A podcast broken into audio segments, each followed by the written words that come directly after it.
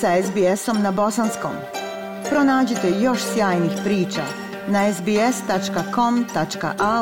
kosacrta bosnijan.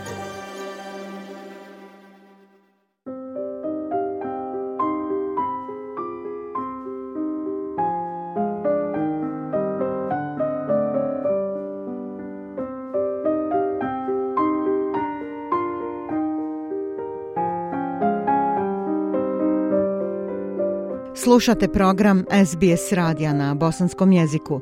Ja sam Aisha Hadži Ahmetović. Prošle sedmice maturanti škole bosanskog jezika u Australiji završili su s nastavom i polažući usmeni i pismeni ispit iz ovog izbornog predmeta okončali su važan segment svog obrazovnog puta, obogaćujući svoje znanje, čuvajući na taj način i svoj identitet, kao i čvrstu vezu sa zemljom porijekla svojih roditelja i predaka. Tim povodom ugostili smo danas nastavnicu Sadu Makaš, koja ove godine obilježava jedan važan i veliki jubilej, 20 godina kontinuiranog rada u bosanskoj školi u Viktoriji. Gospođo Makaš, prije svega srdačna dobrodošlica u program SBS Radija i čestitke na ovom velikom jubileju. Hvala Iša na lijepim čestitkama, na lijepoj dobrodošlici i dobar dan vama i svim slušateljima ovog programa.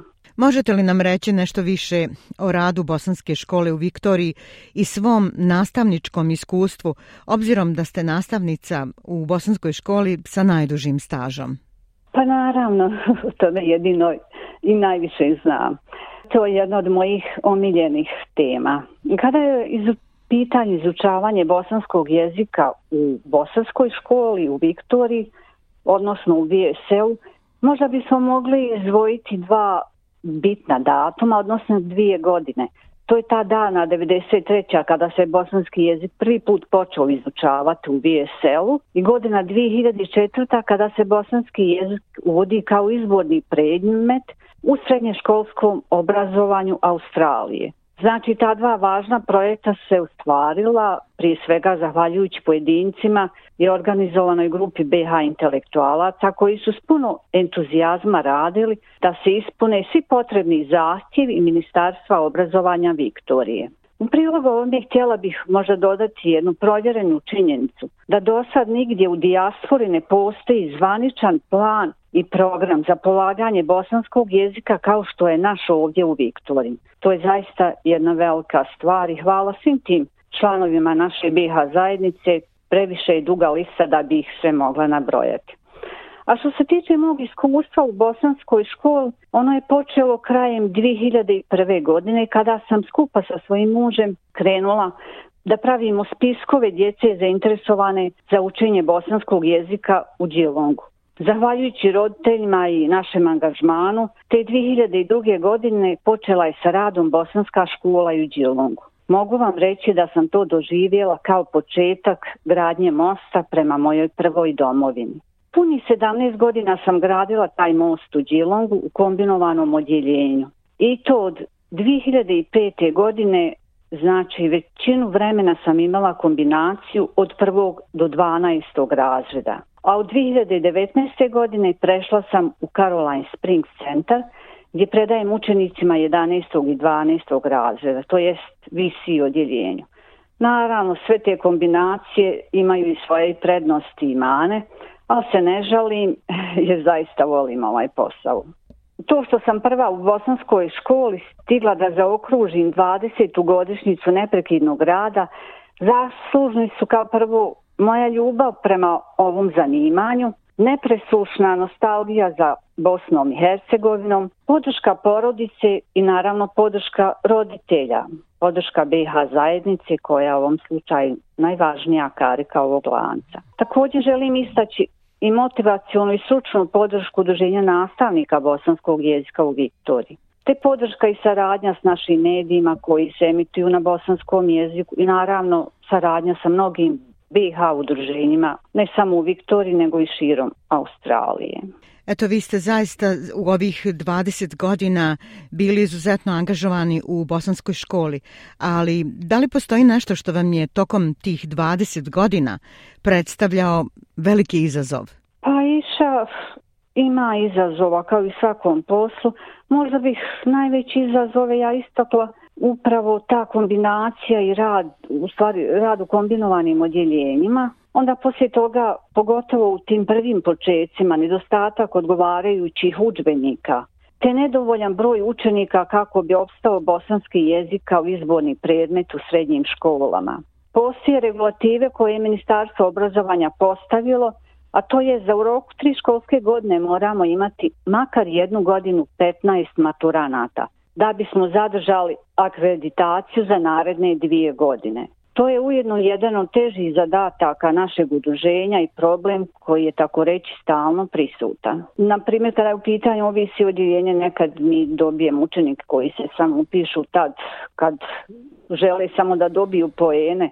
Imamo učenike znači koji kontinuirano idu od prvog razreda, ali eto svake godine mi kao udruženje i uz podršku naravno i drugih članova zajednice afirmišemo rad bosanske škole. Uvijek je tu kampanja u ovom periodu godine da se upisuju djeca kako bismo zadržali dalje taj broj, a naravno i ovu akreditaciju.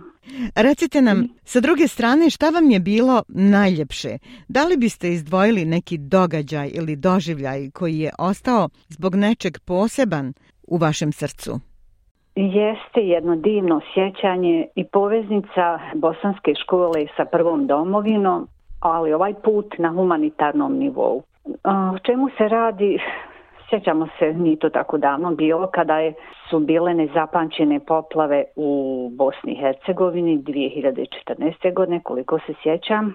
I tad se naravno sva udruženja ovdje na području Australije angažovala u akciju prikupljanja pomoći poplavljenim područjima. Uključilo se i udruženje nastavnika, a ja sam to u kratkom periodu nekako donijela odluku da bi bilo lijepo da uključim učenike mog razreda bosanske škole. Jer sam saznala da će se održati zabava ovdje u Djelongu gdje će se prikupljati znači pomoć za poplavljena područja. A s obzirom da se bosanska škola održava subotom, onda sam skontala da bi bilo lijepo da možda napravimo nešto neko tradicionalno jelo koje bi mogli da prodajemo na toj zabavi. A s obzirom da mojim učenicima nije tako to bilo strano, mi smo imali na raspolaganju kuhinju u školi gdje učimo i bosanski jezik, tako da smo često znale otići u kuhinju i kuhati neka tradicionalna jela. Ja sam se odlučila za gurabije. Tako da smo mi bili ograničeni s vremenom, imali smo svega sat vremena da zamijesimo tijesto, oblikujemo da ih ispečemo. Uključilo se taj dan sam imala samo sedam učenika, znači za sat vremena mi smo to sve uradili. Na kraju kad smo ih izbrojali, bilo ih je 59. Tako smo bili tužni zašto to nije bila jedna gorabija više da bismo zaokružili taj neki broj. I onda su to učenici lijepo upakovali, najveće smo došli na zabavu, oni su to prodali i u kratkom periodu gorabije su nestale i mi smo zaradili za tih 59 gorabija 400 dolara i mislim da su to bile najskuplje gurabije.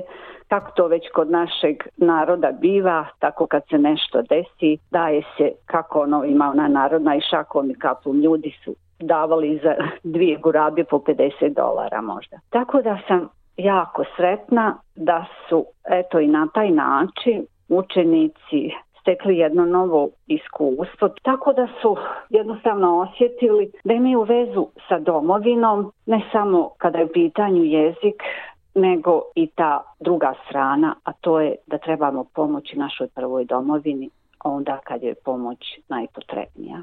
Pa možda najljepše mi to što kroz ovaj posao mogu na neki način razvijati svoju ljubav prema Bosni. Ne samo putem usmene i pisane riječi kroz gramatiku ili književnost, već nudeći im sadržaje koji su usko vezani za naš identitet i kulturna bogatstva. Naravno, za 20 godina rada nanizalo se bezbroj lijepih uspomena od onih kad učenik na času napiše pismo preplavljeno emocijama i ljubavi prema Bosni. Do onih kada roditelj zadnji dan škole kaže žao mi je što nisam ranije dijete upisao u školu. A možda kada je u pitanju pospan događaj, kod mene je imenica događaj u množini, jesu mi bitna tri događaja. To su tri maturske večer kada su moje tri kćerke bile maturantice bosanskog jezika. Trebalo je zaista mnogo rada, strpljenja, pregnuća i ljubavi da bi se kontinuitet bosanskog jezika, bosanske kulture i tradicije održao ovdje u Australiji. Gospođa Makaš i vi i vaš suprug, kao i sve tri kćerke koje su bile učenice bosanske škole, svih ovih godina predano ste radili i, zahvaljujući angažmanu cijele porodice, doprinosili ste radu škole. Otkrite nam tajnu, kako ste uspjeli cijelu porodicu motivisati da daju zaista sve najbolje od sebe u školi? Pa iša ovako, možda odgovor bi bio ovaj. I vi ste dio tog tima, jer ste dio bosanske škole, dio udruženja, pa dio programa koji se emituju na bosanskom jeziku. Znate da rad koji je vezan za udruženja u zajednici prije svega zasniva na satima dobrovoljnog rada koji se obavlja od kuće ili u kući. Upravo takav način funkcionisanja mahinalno uključi i cijelu porodicu. Sigurno se i vi s time slažete. Meni je to prirodno da djeca znaju matinji jezik jer ga srstavam u najvažniju poveznicu sa svojim korijenima. Moje djeca su od malih nogu odrastala uz bosansku školu i našu BH zajednicu, uporode održavajući vezu s rodbinom u Bosni i čestim posjetama, tako da je to za njih bilo sastavni njih, dio njihovog odgoja. Neizmjerno sam im zahvala na istrajnosti, upornosti i podršci koji su mi pružili, ona i muž naravno, i bez njih ne bih uspjela proslaviti ovaj jubilej. Udruženje nastavnika Bosanske škole u Viktoriji užurbano radi na organizaciji Maturske večeri koje ima svoju dugogodišnju tradiciju. Recite nam nešto više o tome. Za kada je planirano održavanje Maturske večeri i gdje? Dokle se stiglo sa pripremama? Da, organizovanje Maturske večeri je sastavni dio završetka školske godine u Bosanskoj školi. Ove godine ispraćamo našu 17. generaciju maturanata Bosanske škole u Viktoriji i ove godine smo ispunili ta jedan od zahtjeva. Imamo 15 maturanata, 10 maturanata iz mog razreda, iz Caroline Springs centra i imamo pet maturanata iz Noble Park centra gdje je nastavnica Mineta Hadžavdić.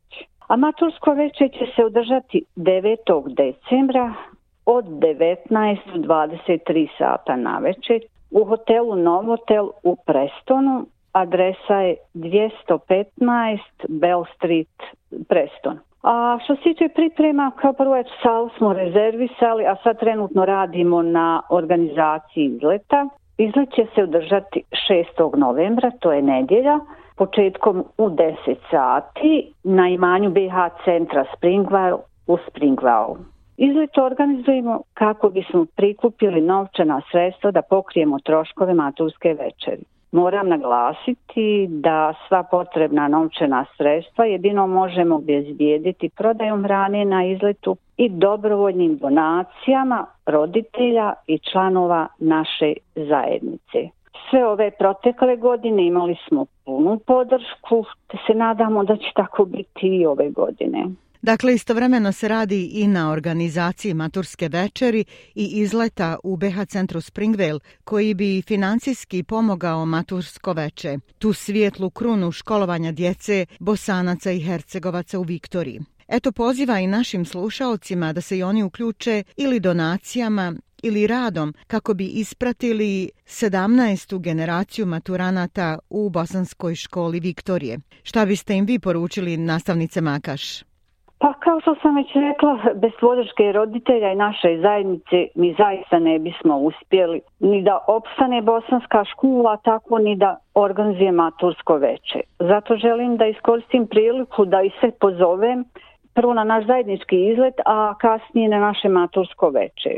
Da iskoriste priliku da se malo družimo i mi naša djeca, a usput budemo i društveno korisni i podržimo njegovanje našeg kulturnog bogatstva ovdje daleko van naše domovine.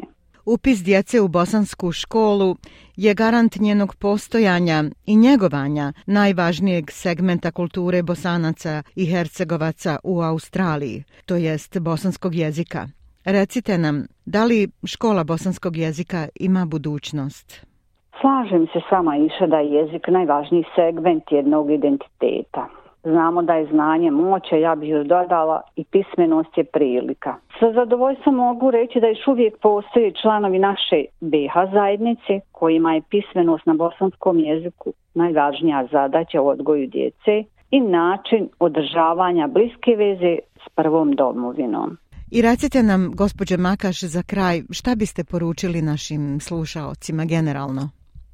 Pa poručila bih da dođu na priredbe i izlete koje organizuju nastavnici bosanske škole, kako bi se uvjerili da vrijedi ustati subotom ujutro i dovesti dijete u bosansku školu.